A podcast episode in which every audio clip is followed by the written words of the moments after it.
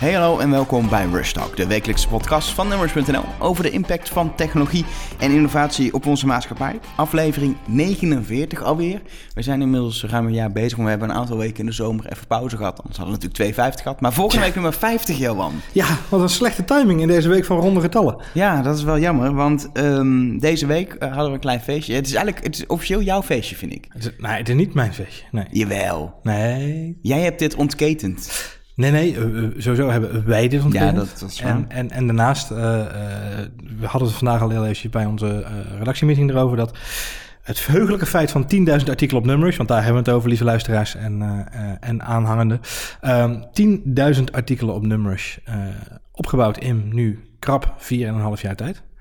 Dus dat is een fantastisch aantal denk ik. En uh, daarvan hebben we gedeeltelijk uh, met een, groot deel van de redactie, geloof ik, zo allemaal een beetje onze bijdrage geleverd. Ja, ik, ik, heb net een beetje kijken of het dan een beetje goed verdeeld is. Maar eigenlijk, eigenlijk heeft iedereen heeft zo, zo, zo, zo een paar honderd tot duizend artikelen geschreven. Dus ook niet dat er één iemand alles heeft gedaan. Dus nee. dat is psychologisch. Als nee, je redactie fijn, hebt. Ja, dat is wel handig inderdaad, ja. Dat is toch een beetje die taakverdeling, hè? Dus, uh, maar het leek ons, leek ons leuk om een aanleiding van 10.000 artikelen toch, nou, is toch een soort mijlpaal. Um, om eens terug te blikken op wat we eigenlijk hebben gedaan. En um, als eerst eigenlijk, eigenlijk heel kort... Uh, ik, ik, ik, mij hoor je hier in Rustak elke week, maar ik zit hier pas anderhalf jaar. Um, ja. Mijn eerste artikel op nummers is wel al twee jaar geleden, want ik ja. heb voordat ik kwam al een keer, één keer een soort column geschreven. Um, maar jij, jij bent het ooit begonnen samen met, met Marjolein, die ook vaak in Rustak hoort. Ja. En dat is 4,5 jaar geleden nu. En, en kun je, iets, kun je iets van een inleiding geven over het van grotere doel, jullie missie op aarde toen je nummers begonnen?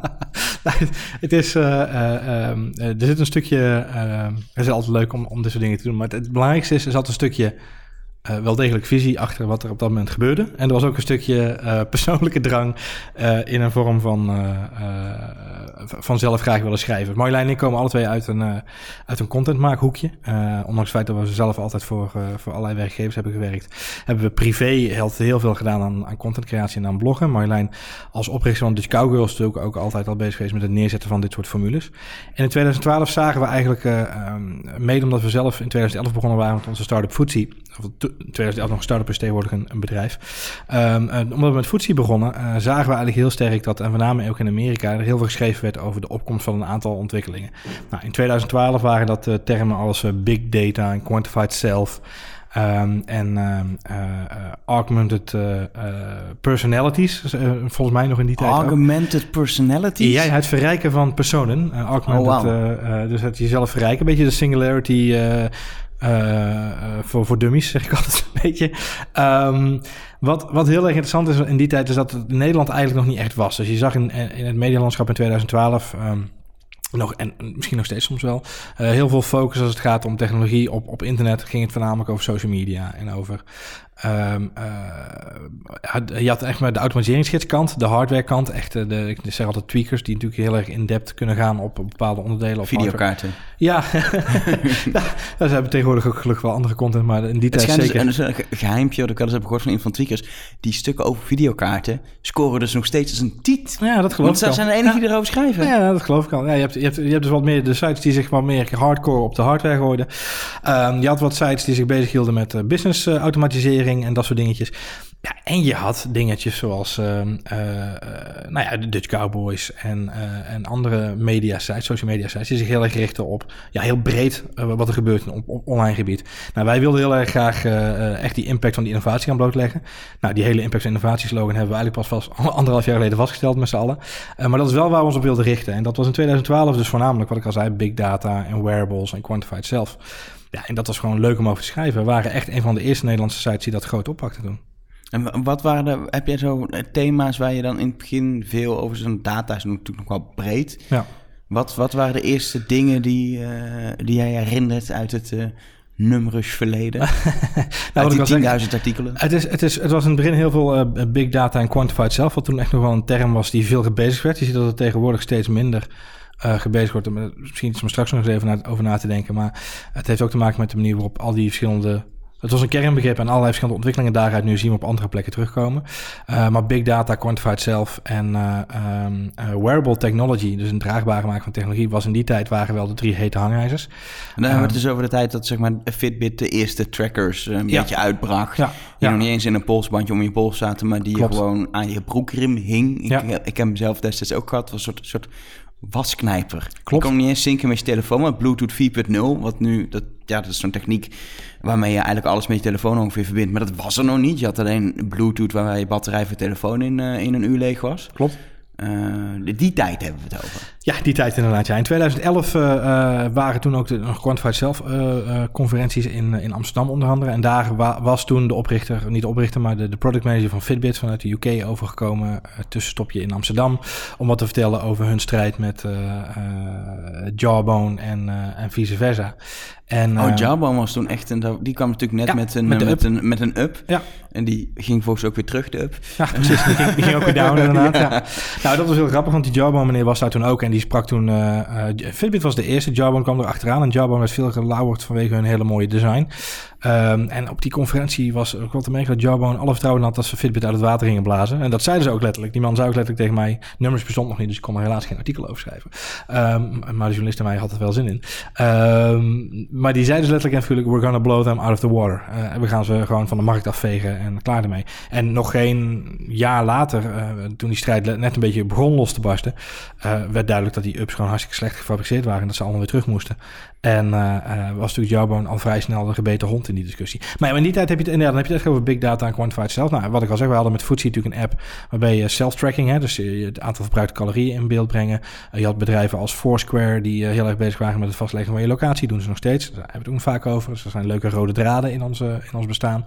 Um, ik, wat met de vers in het geheugen staat, is dat we eigenlijk binnen een maand of twee na lancering al een eerste persuitnodiging hadden van een hele grote zakelijke speler op het gebied van data-analyse.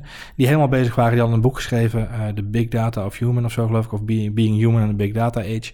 En dat was een perspresentatie in Londen. En, en dat was voor mij de eerste keer dat ik dacht van ja, weet je, dit is gewoon het moment waarop ik dacht, ja, dit is een goede, goede start. En uh, kennelijk hebben we een, we struck a nerve, zeg maar. Nee, je hebt een behoefte, je, je, ja. je stapt in een behoefte die in ieder geval in Nederland niet in Nederlandstalig nee. blog, zes magazine al werd vervuld. Nee, omdat, je, omdat wij heel duidelijk zagen in 2012 van, van we gaan naar een situatie toe waarbij eigenlijk die, als je die drie poten van toen nog een keer terug bekijkt. Uh, uh, we gaan naar een wereld toe waarin al die moeilijke begrippen, al die containerbegrippen van toen, ja, zich gaan terugvinden in de maatschappij in een andere vorm. Ja, dat zien we nu ook langzaam zeker gebeuren natuurlijk. Nou, en, en in eerste instantie, en nog steeds, maar zeker ook in eerste instantie, als ik terugkijk, ik heb, ik heb gisteren, toen we de 10.000 artikel online zetten, een, een 10.000 artikel geschreven met ook gewoon 10 highlights, gekeken naar wat zijn nou dingen die, ja. die uniek waren voor nummers, maar die ook echt wel publiek hebben bereikt, zeg maar, die echt door mensen zijn gelezen, gedeeld, et cetera. Zie je gewoon veel sport terugkomen. Al vanaf, de, vanaf dag 1 is, is sport binnen technologie, zeg maar, binnen technologievlak, is iets waar we superveel over hebben geschreven, wat we nog steeds doen.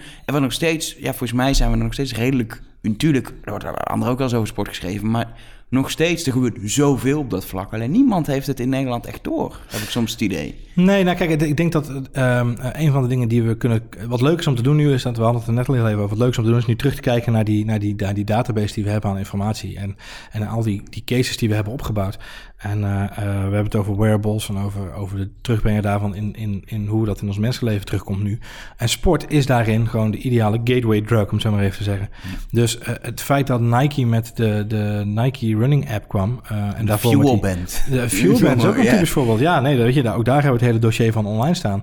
Uh, je dat is ook een afgerond dossier, dus dat scheelt. Ja, precies. Weet je, dat is rond, afgekaderd en wel. En wat dat betreft, vorige, vorige week heb ik bekend dat Adidas het MiCoach dossier ja. ook veel over geschreven. Zowel de toepassing van Adidas MiCoach platform in bijvoorbeeld het voetbal bij Ajax... tot ja. gewoon de hardloophorloges die je kon kopen. Ja. Is Adidas nu ook mee, mee gestopt. Voor consumenten wel, ja. Ja, voor consumenten, ja. Nee, maar dat geeft aan inderdaad van, weet je, we hebben gewoon een aantal verhalen heel goed kunnen volgen. En de sport speelt daarin een belangrijke rol omdat sport uh, een vertaalmechanisme is naar mensen toe om het begrijpelijk te maken. En uh, het feit dat je met je te hardloop-app kon bijhouden hoeveel kilometer je gelopen had en hoeveel stap je gezet had. Dat was de gateway drug naar meer dingen bijhouden, naar meer dingen doen. En, en ja, nogmaals, sport heeft ook de, de, de uh, unieke capaciteit dat het bij mensen een intrinsieke motivatie wakker maakt, die er anders een beetje latent blijft hangen. En daarom, dat is de reden omdat heel veel sport genoemd wordt als, als innovatief uh, drijfkracht achter dingetjes. Het is makkelijk om te zeggen dat het alleen gebeurt bij consumenten. Of dat het, sorry, dat het alleen gebeurt bij topsport. Want in de topsport gebeurt er echt heel veel met innovatie. Ja. Maar het is juist heel erg grappig om te zien dat, uh, jij noemde even MyCoach en uh, we hebben het over Fitbit en over Jarbone en over Nike. Om te zien dat de technologie uit die topsport langzaam zeker doorcijpelt naar de consumentenmarkt toe. En dat de consumentenmarkt er ook interesse in heeft. Zeker, zeker, zeker. Een schoolvoorbeeld blijft hardlopen en in de tweede plaats denk ik ook wielrennen. Weet je, mensen gaan bijna niet meer naar buiten, eh, iets zwart-wit gezegd, zonder dat ze op zijn minst een smartphone met een app hebben. Of tegenwoordig, weet je, de meeste mensen kopen toch voor tegenwoordig kost je 100, 200 euro, heb je al een simpel hardloophorloge. En je ziet steeds meer mensen toch die stap maken. Het is toch handig om gewoon het inzicht te hebben, uh, om ook niet meer zo'n band voor een hartslagmeter om te moeten hebben, maar ook gewoon op je pols. Het is gewoon zo toegankelijk geworden. Aan de andere kant, weet je, het is iets waar jullie, waar jullie toen de nummers starten, 10.000 artikelen geleden, wat al in ontwikkeling was als je dan kijkt 4,5 jaar, je ziet technologisch kleine stapjes. Het is vooral veel meer die mhm. maatschappelijke acceptatie. Die techniek is er, maar eer dat mensen het nut zien en het gaan gebruiken. En dat zie je natuurlijk altijd met technologie. Dat kost, kost best wel veel tijd. Ja. En dat is wat, ik, wat mij ook opvalt als je mee terugkijkt. Nee, ja, uh, uh, dingen die nu spelen zijn dezelfde dingen als die doen. Sommige zijn natuurlijk minder geworden verdwenen. De, Google Glass bijvoorbeeld speelde nog wel in het begin van nummers. Nou, daar hoeven we nu niet meer over te hebben inmiddels. Mm maar het is wel, weet je, technologie. iedereen zegt dat het gaat zo snel. Het zijn revoluties, maar mhm. het gaat in kleine stapjes. Nou ja, kijk, kleine stapjes is altijd, ehm, ehm, is altijd relatief. we zijn in een, in een, in een versnellings fase geraakt in ons hoofd en in onze mentaliteit. Dat het ons niet snel genoeg gaat. En tegelijkertijd ehm, eh, staan we niet meer stil bij hoe ver we zijn gekomen in de afgelopen 20, 30 jaar. Ehm, eh, en als je dus op een. Het is heel makkelijk om vanuit. Eh, als je in uh, drie projectievormen. Als je in, de, in het zwembad staat. en je dobbert rond in het zwembad. dan is het, het lijkt het inderdaad alsof de golven wel meevallen. Terwijl als je iets omhoog gaat. en je kijkt een beetje van een afstand. en je kijkt op lange termijn. dan zie je dat er best wel veel gebeurt in de afgelopen 10, 15, misschien wel 20 jaar. Um, het feit dat we in 4,5 jaar tijd praten over de, de vertaalslag van. De Fitbit zoals die was naar Fitbit zoals het nu is. Um, of uh, jij zegt Google Glass hoeft het niet meer over te hebben, maar we hebben het wel met z'n allen over de HoloLens. Ja. En uh, kijk, en, en, dat zijn van die typische voorbeelden. Ik zei het net al even tegen je in de voorbereiding. Is um, het is ook leuk om, om wat mij 4,5 jaar nummers nu geleerd heeft, maar dat wist ik eigenlijk ook al heel erg lang. Maar je wordt er zo verdories attent op gemaakt, omdat je elke dag met die content bezig bent. Is dat het het makkelijkste van de hele wereld is om na elke hype die er komt te zeggen: haha, hype, onzin, we gaan verder, het gaat niet snel genoeg, of het dit gaat helemaal nergens over, het gaat nergens heen. Uh, nummer start in 2011. In um, 2010, uh, sorry, 2012 starten we met nummers. In 2010, 2011, ja, eind 2010 zo'n beetje, deed ik een concept naar een klant toe voor een virtual reality, of augmented reality app met dinosaurussen. Uh, hey, dat is een goed idee. Dat is een heel goed idee. Daar zouden meer, daar zouden meer mensen wat mee moeten doen. Uh, dat was in 2011. En toen zei je, ja, maar augmented reality, dat is geflopt en dat is niet gelukt.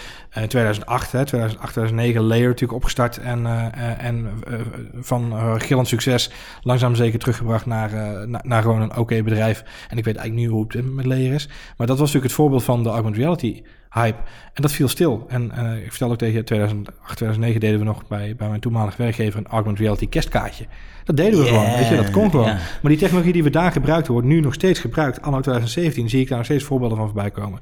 Um, de, uh, de, de, de app van Albert Heijn is hetzelfde of wat, wat ik ook al in 2010, 2011 kon bedenken. Dat is geen schouderklopje aan mezelf, maar om aan te geven dat sommige dingen komen voorbij, lijken een hype, lijken te mislukken, maar er blijven toch dingen plakken die op een later moment terugkomen.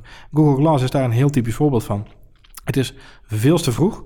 Maar het heeft een, een prikkel gegeven aan, aan, het, aan het hele innovatieve veld, waardoor we nu toch andere dingen zien ontstaan. Zoals Magic Leap, zoals uh, de HoloLens. Uh, en we zien Tim Cook ineens roepen... ja, nee, augmented reality is de volgende stap in alles. Ja, dat vind, dat vind ik wel interessant. Als je, als je kijkt, uh, beginperiode van nummers... toen was die eerste augmented reality hype, zoals ik hem toch maar even noem... was eigenlijk net geweest inderdaad. Die was echt in de eerste jaren van ook de iPhone kwam dat op. vervolgens zie je eigenlijk zeker de afgelopen twee, drie jaar virtuality, grote ding. Hebben we super veel over geschreven bij nummers. Uiteindelijk zie je daar nu ook gebeuren van ja, de, de verwachting was misschien wel zo groot dat die nog niet ingelost is. Zeker niet dat het een hype is en afgeschreven is. Maar het is niet zo dat virtuality nu uh, het hele mediagebruik in de wereld verandert. We zien wel super vette toepassingen. En dat gaat voorlopig ook nog door. Maar het is net begonnen. Ja. Tegelijkertijd zie je nu opeens inderdaad dat steeds meer onder van Microsoft met de HoloLens, maar ook, ook een Apple die het steeds meer zegt dat, dat augmented reality nu weer wordt opgepakt. Omdat ja, er, er is betere techniek om ruimte in 3D live in beeld te brengen, om uh, beeldanalyse te doen door kunstmatige intelligentie. Er is nu Ja. meer techniek om augmented reality naar een volgende stap te brengen. En dat is wat je dan nu weer een soort van het tweede leven bijna ziet krijgen. Ja, ja maar dat is, dat is, en dat is een beetje, eh, ik noem zelf het voorbeeld van Pokémon Go eerder vandaag al. Het is heel makkelijk om naar Pokémon Go te, zeggen, te kijken en te zeggen, nou, dat was een leuk succes, het is geflopt. Eh, er Maar- zijn net eh, vandaag bekend dat er 80 nieuwe Pokémon komen in Pokémon Go. Dus Kijk, dat is ik ga hem weer installeren. Ik, ik, ben, ik zie nu al uit naar het weer opnieuw installeren van de app en het weer twee keer ik net weer lekker weer. Maar, kijk, dat is mijn persoonlijke mening. Maar wat ik wel geleerd heb, is om dat soort dingen dus inderdaad te bekijken en voor mezelf wel eruit te halen. Maar wat is het verhaal wat hier gebeurt? Wat, wat is er daadwerkelijk eh, ehm, eh, aan de hand? En wat we zien is dat er dus wel degelijk een manier is om met die technologie dingen te doen. eh, om mensen ook offline eh, eh, op pad te krijgen, zeg maar eventjes. En dat is iets wat we voorheen nog allemaal onmogelijk ge- geacht hebben. Dus ja, de game is ge- gefaald en, en het hele idee is een hype geweest misschien. Maar we hebben wel kunnen zien wat de kracht kan zijn van zo'n, van zo'n eh, stukje software op zo'n device. En dat zijn de dingen, zo abstract ga je af en toe kijken naar de content die we maken. Dus dat is wel een interessante learning na, na bijna 4,5 jaar nu de site onderhouden. Dat je dat, Heb jij, naar, heb jij naar 10.000 artikelen op die manier gekeken? Nou, ik denk, dat, ik, denk, ik, denk, dat het heel lastig is om dat uit 10.000 artikelen doen. Maar ik denk wel dat ik ehm, zeker op, op grotere basis eh, regelmatig kijk naar wat speelt er nou daadwerkelijk echt. Wat zie ik terugkomen in een week. We hebben natuurlijk een aantal systemen ook op onze redactie in place. Eh, waardoor we kunnen zien wat trending nieuwsitems zijn. Wat in de wereld speelt aan, aan nieuwsitems. En waar, waar we iets over zouden kunnen schrijven. Welke verhaallijnen we zouden kunnen. Want we hebben elke dag met elkaar overleg. En je ziet op een gegeven moment wel een soort van, van eh, eh, trends, trend en trendbreuken ontstaan. ehm, die natuurlijk wel interessant zijn. En die misschien een veel groter plaatje weergeven dan dat de dagelijkse nieuwsstroom weergeeft. En ik denk dat het leukste is van Numrush. En ik denk dat het ook een compliment is naar de redactie. En, en naar hoe we het hier hebben ingericht en hoe het gaat. Is dat we altijd in staat zijn geweest om die rode, de rode draad te blijven volgen. En om, om nu inderdaad te kunnen zeggen. We hebben dossiers van Google Class, van A tot Z. Of van Nike Fuelband. Of van de Jawbone Up. Eh, en als je iets wil weten over Fitbit en de Fitty die ze hadden met Apple twee jaar geleden. Kun je het nog steeds vinden. En dat is te gek. Ja, wat, wat, ik, wat, ik, wat ik daarbij leuk vind is ehm, eh, dat je ook ziet hoe, hoe sommige dingen geëvalueerd zijn. Als je het hebt over bijvoorbeeld big data, in het begin natuurlijk veel over geschreven. Toen ging het echt over data, big data en dan kun je dat dingen uithalen met eventueel algoritmes. Nu noemen we dat kunstmatige intelligentie. Terwijl eigenlijk voor een deel er hetzelfde gebeurt. Je gaat kijken of je patronen kan herkennen in data. Alleen een soort van de hele de manier, de blik waarop bekijken is door ook natuurlijk geavanceerde technologie en andere toepassingen is aan het veranderen. En we gaan kijken naar niet alleen gewone data, we gaan kijken naar tekst en naar eh, eh, visuele data, afbeeldingen, die kunnen ook allemaal geanalyseerd worden. Nou, dat kon Ja. vijf jaar geleden gewoon echt nog niet. Nee. Die deep learning die de afgelopen jaren zo hard is ontwikkeld heeft ervoor gezorgd. Maar uiteindelijk is het niet, het zijn geen twee verschillende dingen. Het is een, het is een, een verdere ontwikkeling van iets wat, wat, wat jullie in het begin en wat we in het begin zagen. Ja, ja wat, wat heel leuk is, ik sprak. ehm, eh, dus wat, wat heel grappig is om te zien, is dat een heleboel van deze innovatie komt vanuit eh, creatieve developers, mensen met een. eh, met een eh, met, met toegang tot bepaalde hardware. En, en, dat, dat, en als je dat dossier dus bekijkt van big data, dan ga je heel erg kijken naar welke partijen hebben daar een rol in gespeeld. Heel simpel voorbeeld, omdat Amazon betaalbaar toegang geeft tot dit soort hardware, tot dit soort servers en dat soort apparaten, is er dus een mogelijkheid voor een heleboel creatieve developers om daarop voor te borduren en daar dingen op te gaan maken, waardoor grote bedrijven weer uitgedaagd worden om die innovatie te gaan omarmen en naar een breder publiek te brengen. En dat is wat je eigenlijk in de afgelopen vijf jaar zag gebeuren. Ik sprak in 2013 volgens mij uh, het kan ook nog 2012 zijn geweest. Uh, Jake Porway. En hij is van een New Yorks big data bedrijf. hij is echt wel een beetje de guru als het gaat om big data analyse in Amerika. Zeker voor mij, omdat hij een aantal hele goede cases had in die tijd. Um, en ik sprak hem voor een interview over, over zijn werk en wat hij deed. En, en hoe hij nou keek tegen deze ontwikkeling. En hij zei, joh, weet je, dat hele big data verhaal. Big data is niks, weet je. Dat we data verzamelen zegt helemaal niks. En in 2012, 2016 was iedereen er vooral van bewust dat we veel data moesten verzamelen. Hij zegt, ja, iedereen noemt big data de nieuwe, uh, nieuwe olie. Maar het is niet nieuwe olie. Uh, uh, sorry, het nieuwe goud noemen ze het, sorry. Hij zegt, het is niet het nieuwe goud, het is nieuwe olie. En het is ruwe olie. En als je ruwe olie hebt, dan heb je niks. Dan heb je een zwart plakkerig stukje goedje waar je niks aan hebt. En je hebt pas op het moment dat je gaat raffineren en je met mensen naar gaat kijken en je er algoritmes op loslaat, of het nou deep learning is, of dat het een hele goede programmeur is die een goed algoritme geschreven heeft. Als je die dingen erop loslaat, dan komt het ergens.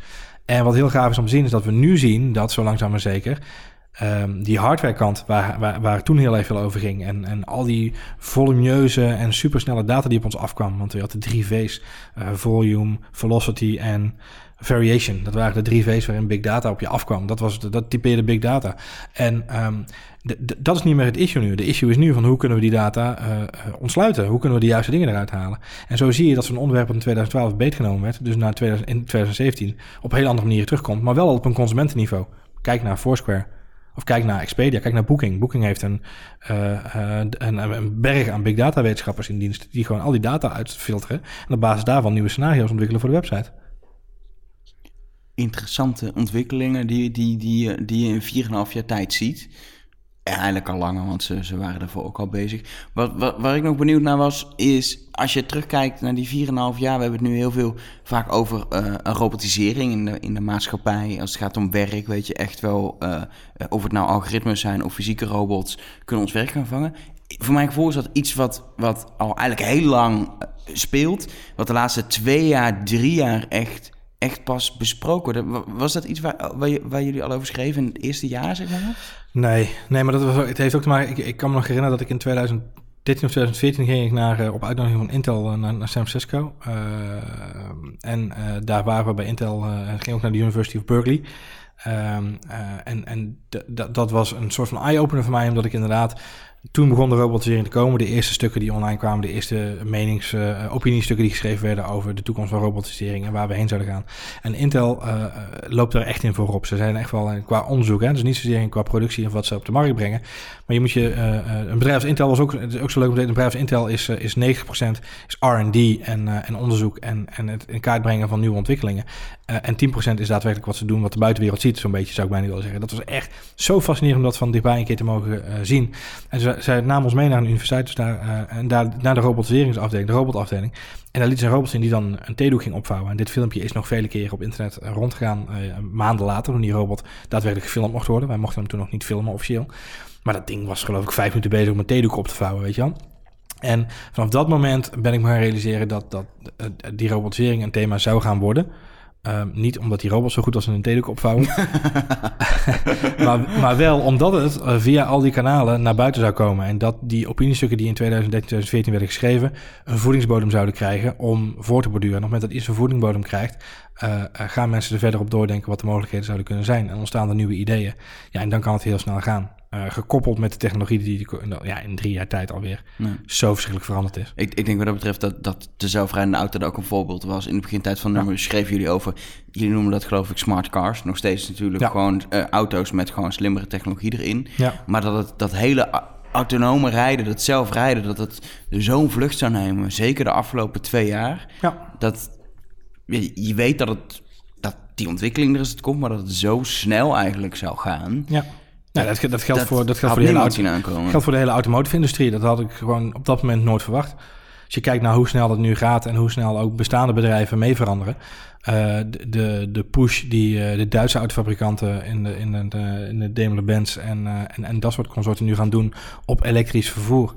Uh, dat is al sowieso een begin, weet je wel. Het feit dat we daar überhaupt over moeten hebben nu is wel grappig. Maar dat, dat besef is nu doorgedrongen daar in die industrie. Dat, dat elektrisch, uh, we hebben het niet meer over, ja, we hebben nog wel over hybride, maar we hebben het niet meer over waterstofcellen gehad afgelopen jaar. Uh, maar daarin hebben we natuurlijk ook een hele hoop dingen voorbij zien komen. We hebben auto's op zonne-energie gezien. Nou, dat is nog steeds wel een issue, want daar in Eindhoven zijn ze lekker bezig met zo'n apparaat. Uh, dus het zou zomaar kunnen dat we alsnog wel voor klein vervoer zonne-auto's krijgen.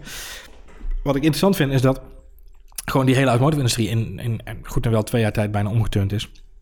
En wat ontzettend knap is, want, dat... Ja, ja goed, ze zijn er nog niet. Ja. Nee, maar ik, eerst was het altijd, twee jaar geleden was echt het ding... Die, die industrie gaat dit niet kunnen. Die gaat nee. worden ingehaald door de Tesla's van deze wereld. Wat natuurlijk op sommige vlakken ook zeker wel aan de hand is. Weet je, er komen andere spelers bij. Hmm. Maar als je ziet hoe die industrie zich aan het ontwikkelen veranderen is, ja. hoe ze daarin investeren en hoe er... Het punt is, er komen alle andere spelers bij die ook software en hardware gaan leveren. Het wordt, ja. de het wordt een Maar je moet, je, je moet jezelf nooit laten, en dat is ook weer een van de dingen, is je moet jezelf nooit laten afleiden door hetgene wat een, wat een Tesla laat zien aan de buitenwereld. En wat ze daadwerkelijk als impact hebben op de maatschappij in Oh, een grote geheel. Eh, Tesla's zijn dure auto's, zijn, zijn eh, eh, niet voor iedereen toegankelijke auto's. We hebben in Nederland een goede regeling gehad met de, de, de BTW-percentages, waardoor we wat heel hoop hebben gehad die er een goede deal mee hebben kunnen maken. Maar onderaan de streep eh, is het een, eh, eh, een, een hele grote druppel op een, op een gloeiende plaat. Ja, eh, met die verstanden dat ze wel de ogen hebben geopend van de industrie. precies. En, en dat is heel erg belangrijk inderdaad. Want dat is natuurlijk de rol die, die Elon Musk sowieso wel heeft. Ook als het gaat om de ruimtevaartindustrie of de tunnelboorindustrie nu. Ehm, Hyperloops. Hyperloops inderdaad. Nou, die man die heeft daar gewoon een, een neusje voor, om zo maar even te zeggen. Ehm, het- dat was het leuke en dat zijn de leuke dingen die je ziet. Is dat we elektrisch rijden hebben we lang, eh, we hebben sowieso lang automotive eh, laten gaan. Zo van, weet je, daar gebeurt niet zo heel veel in. Smart cars was nog tot op drie jaar geleden, 2014 zeg maar, was het inderdaad eh, Apple CarPlay, om zo maar even te zeggen. Dat was en toen smart car. Android, Android Auto erbij. En dan had je het wel. Ja, dan had je wel een beetje de smart cars gehad. Zo langzaam zeker En kwamen keer toen... een, een, een leuk holografische dashboardschermpje hier en daar. Exact, maar toen kwamen wel de eerste auto's met daadwerkelijk inderdaad internetverbinding. En vanaf het moment dat er in Amerika regels werden aangenomen waarbij auto's, intercommunicerende auto's verplicht zouden worden vanaf volgens mij eind dit jaar. eh, toen werd het in één keer heel snel duidelijk dat het heel snel kon gaan in die industrie. Want we hebben het heel vaak over Tesla. Maar wat we niet moeten vergeten is dat er ook onder die motorkap bij al die andere auto's al een heleboel slimmigheden zijn toegevoegd. Een merk als BMW heeft al nu bijna anderhalf of twee jaar intercommunicerende auto's. BMW's die gegevens met elkaar uitwisselen. Weet je, dat doen ze al, ik weet niet hoe lang. Ehm, ja, ik weet niet of alle mensen dat weten en of het echt nog steeds op grote schaal gebeurt, maar bij deze. Ehm, eh, weet je, dus die innovatie is heel langzaam maar zeker, maar wel in één keer... Volvo's met, eh, met eh, automatische rem in geval van nood. Ja, dat soort dingen. ja, dus dat soort dingen, weet je. Het is allemaal in zelf in parkerende auto's. is allemaal de eerste stappen, de eerste babystapjes geweest naar deze ontwikkelingen toe. Dus het lijkt, jij zegt af en toe wel van het gaat niet snel genoeg. Maar als je kijkt naar de auto-industrie en als je ziet wat we bereikt hebben in nu goed en wel vier, vijf jaar tijd. Eh, en, en wat we bereikt hebben, moet ik vooral zeggen wat de mensen in die industrie bereikt hebben. En wat wij hebben mogen vastleggen. Ehm, ja, dat is gewoon fascinerend. Nee, zeker. Dat, en dat, eh, eh, en wat ik heel grappig eraan vind, is dat anderhalf jaar geleden zei die auto-industrie zei dan van eh, eh, eh, 2020, 2021 willen we zelfrijdende auto's hebben. Ja. Vervolgens, anderhalf jaar geleden, zijn wij volgens mij in elkaar te... Dat is toch super optimistisch. Ja, Als je nu kijkt, en het is nu nog maar drie, vier jaar, denk je, ja... ja. Als, je, als ze zo doorgaan, los van een hele regulering misschien, maar het gaat heel snel. Nou, het is niet los van de le- regulering misschien. Ik denk dat uiteindelijk dat, dat de, de, Ja, de ja. angel wordt van het verhaal. Eh, regulering en, en adoptie. Ja. En ik denk dat we, eh, zeker als het gaat om zelfrijdende auto's, nog heel ver verwijderd zijn van een wereld waarin eh, we goed kunnen omgaan met dat soort technologie. Ehm, Hebben we ook al eerder in podcast uitgebreid over gesproken. Exact, exact. Maar dat is wel een typisch dingetje waar we rekening mee moeten houden. Dat en zolang de wetgeving niet aanpast, kan technologie ook tegenwoordig houden. Ja. Ja. Wel, verder een, een dingetje wat ik nog even voor aanstip, wat ik leuk vind, is ehm, eh, niet dat ze niet helemaal niet waren, maar in die 4,5 jaar nummers hebben we allerlei nieuwe bedrijven zien oppompen in wat we dan heel cliché noemen en alweer een beetje een vergeten term is de sharing-economie. Ja. Maar de Ubers van deze wereld en de Airbnb's, is natuurlijk ook iets wat gewoon de afgelopen jaren eigenlijk uit het, nou ja, niet uit het niets wil ik niet zeggen, maar wat, wat zo snel gegroeid is. Ja, ja en, en wat heel grappig is, is omdat iedereen denkt dat de sharing economy is... en dat dan Uber en Airbnb als voorbeelden worden genoemd. Wat alle twee bedrijven zijn die een heel ander eh, eh, alternatief eh, motief hebben voor hun werkzaamheden. En bij Uber kunnen we dat nu langzaam maar zeker zien. Die gaan steeds meer doen met zelfrijdende auto's en vliegende, vliegende auto's. Drones die pakketjes gaan bezorgen. Ze hebben Uber Eats. Dat zit een hele andere motivatie achter het bedrijf dan, dan alleen maar taxietjes delen met elkaar. Ehm, en bij Airbnb geldt hetzelfde. Die willen gewoon vastgoed in kaart brengen. En, eh, en, en dat doen ze verdomd goed op dit moment. Wat, Eh, ik, dus- wat, ik, wat ik bij, bij, bij Uber nog heel grappig vind, ehm, ik weet dat, dat Uber zelf ook gewoon de, de medewerkers van Uber en de persvluchters, journalisten altijd aanspreken die Uber als taxibedrijf wegzet. Want Ja. Dat zeggen ze zijn niet. Nee. Eh, dan kun je heel meta-discussie voeren of ze nog zijn of niet, maar onder de streep inderdaad is het, is het naïef om Uber weg te zetten als een taxibedrijf. Ja, Ja, dat is zeker als je kijkt naar wat ze doen in Pittsburgh daar, die, uh, in die testloads die ze hebben. Uh, dat hele zelfrijdende auto gebeuren. Nu Ford geloof ik, hè, hebben ze aangesloten als, als automerk. Ja. Nou, dat is gewoon... Uh, dat is en gewoon... we, hebben, we hebben gisteren gebracht, ze rijden op dit moment in zes landen rond met mappingauto's. Ja. Om 3D-maps van de hele wereld letterlijk te maken. Ze beginnen met steden, met grote steden natuurlijk. Ja. Maar ze gaan gewoon eigen maps maken. Al die data hebben ze straks in handen. En dat is hier van Nokia, toch? Ja. Nee, nee, dit, zij gaan het nu helemaal zelf weer doen. Oké. Okay. En hier heeft dat ook met een aantal Duitse autofabrikanten en Intel. Ja. Uh, Google heeft natuurlijk die, uh, die data in handen. Ja. Weet je, dat zijn dingen. Weet je, je hebt niks aan die kaarten als je geen zelfrijdende auto hebt. Maar er nee. gebeuren nu dingen, ook bij Uber, waar we over een niks aantal jaar gaan zien wat het, wat het oplevert. Zeg maar. Exact, exact. Ja. Heb jij nog dingen die, jij, die, jij, die jij zegt, die moeten we nog even neerleggen als we terugkijken op 10.000 artikelen? Nee, ja, ik kan drie kwartier met je praten over e-sports misschien. nee, wat ik fascinerend vind is dat, en ik zit, ik zit erover te mijmeren, uh, uh, dat doe ik altijd een beetje tijdens deze uitzendingen. je zegt terecht tegen me van tevoren, het komt zo wel uit je, uit je mond vallen als het, als het ervoor komt. Het, we bespreken het altijd goed voor, maar tegelijkertijd schiet er altijd dingen in mijn hoofd naar binnen. Wat ik heel grappig vind is dat we inderdaad, dat we, volgens mij aan het begin van de show en een paar keer herhaald hebben, dat jij zegt, het gaat niet snel genoeg. En als je nu kijkt waar we het over gehad hebben in de nou. afgelopen, wat is het, 40 minuten, dan, uh, dan is dat eigenlijk wel een berg aan innovatie die op ons afgeschoten is de afgelopen alleen al vijf jaar waar wij het nu over hebben, wat, wat we kunnen bevatten. Uh, en ik, ik, ja, je, natuurlijk, je neemt natuurlijk wel mee wat er daarvoor ook gebeurd is. Niet zo dat, dat op het moment dat we, dat nummer is begonnen is, het pas begonnen is. Nee, maar als je dus, als je dus kijkt waar we, we zijn wel degelijk begonnen met een bepaald startpunt van dit is wat er toen, wat toen ja. de status quo was en dit is waar we nu staan. En ik vind het gewoon heel verbazingwekkend, zeker naar aanleiding van, van deze mooie ronde getallen ben ik er even door de archieven heen gegaan het is fascinerend om te zien wat voor mooie content we gemaakt hebben. En, en hoe leuk het is om met een, uh, met een team mensen bezig te zijn met deze uh, gevolgen bloot te leggen elke dag. Het is te gek. Er gebeurt heel veel moois. Er gebeurt ook een heleboel stoms. Maar het is heel veel leuk om die, die mooie dingen ook bloot te leggen. Ja. Wat ik fascinerend vind is Yahoo, Twitter, Apple. Ja. die, die ontwikkelingen. Dat is de, vergang, de vergankelijkheid van sommige, sommige ja, en de, en de, en, de, en, de, en de onverwoestbaarheid van anderen lijkt het wel. Maar dat zijn allemaal dingen die we op een andere podcast weer kunnen En welke hokjes op je Yahoo nu dan? nou, Yahoo geeft wel aan hoe. Nou, het is misschien, misschien heel leuk. Kijk, Twitter en Yahoo geven heel erg goed aan hoe kwetsbaar het kan zijn. Je kunt nog zo'n groot bedrijf zijn, je kunt nog zo'n track record hebben. Uh, als je nu ziet hoe Verizon met Yahoo omgaat, het is echt niet normaal. Want ik zie gewoon nog wel gebeuren dat je hele afkoop of uh, uh, aankoop gewoon afgeblazen wordt. omdat Yahoo langzaam maar zeker onderuit getrokken wordt. Uh, nu weer inderdaad uh, vanuit het, uh, vanuit de, de, het congres vragen op, op de hacks die er plaats hebben gevonden. Ik kan zeggen, dat is ook een beetje een eigen security debakel. Dat ze nu, ja. dat is een soort, het is, je hebt een bedrijf dat er al heel slecht voor staat. En dan blijkt dat er vier jaar geleden gewoon de grootste security issues ongeveer van, een, van, een, van een commercieel bedrijf ter ja. wereld hebben maar ik, ik wil niet weten, ik wil, ik, ik, wil echt niet weten. Ik denk dat een heleboel bedrijven het echt supergoed op orde hebben. Uh, daar gaat het me heus niet om. We hebben natuurlijk veel lol om de Belastingdienst en Yahoo en alle andere bedrijven die het niet zo goed op orde hebben. Maar ik wil denk ik niet weten hoeveel bedrijven er in de wereld zijn die uh, elke dag misschien wel miljoenen klanten bedienen. Met een structuur, een infrastructuur die misschien niet helemaal top-notch is. Maar die, maar die wel, ja. wel, wel, blijft bestaan, weet je wel. Uh, tuurlijk is het zo dat we het liefst allemaal zouden zien dat we in Google datacenters draaien of in Amazon Web Service datacenters draaien. Met glimmende mooie service en alles afgeveiligd met, met afge, afgedekt en beveiligd met de grootste anti-hack software die er is. Maar ja, zo is de wereld niet. Zo zijn de huizen in Nederland ook niet gebouwd. En zo gaat het in, in die infrastructuur ook niet altijd even lekker. Uh, en het vervelende voor Yahoo is dat ze inderdaad gewoon naast het feit dat ze die cybersecurity problemen hebben gehad, het ook gewoon krom hebben opgelost in hun, in hun PR en, uh, en komst eromheen. Ja, en dan ga je gewoon drie keer voor gaas. Ze trappen nu gewoon eigenlijk vier keer in dezelfde valkuil. Ja. En dat is gewoon zuur.